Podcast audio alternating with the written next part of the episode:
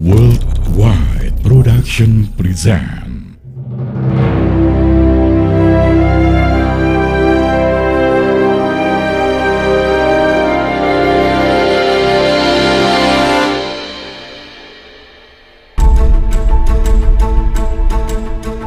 Apakah DN Aidit seorang perokok?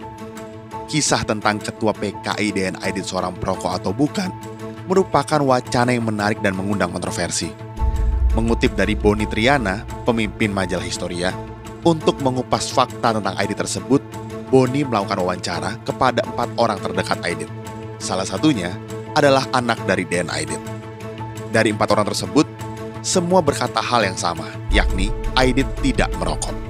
Namun di lain pihak, Boni juga menemukan fakta berbeda, bahwa ada beberapa sumber yang menyebutkan bahwa Aidit seorang perokok.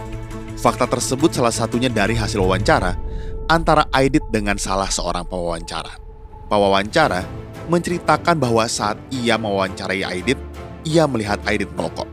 Selain itu, ada lagi fakta dari majalah Tempo yang menyebutkan bahwa saat akan dieksekusi, Aidit meminta sebuah rokok dan mengutip dari majalah Intisari edisi Maret 1966. Pada waktu dahulu, majalah Intisari pernah memiliki kebiasaan berkunjung ke kantor beberapa pentolan partai politik yang ada di Indonesia pada waktu itu. Salah satunya adalah mengunjungi kantor CCPKI di Jalan Raya Kramat, Jakarta Pusat, tempat di Nusantara Aidit bekerja pada pertengahan 1964. Selama dua jam sesi wawancara, wartawan Intisari itu menyaksikan Aidit banyak minum, rokok, dan secangkir kopi pahit.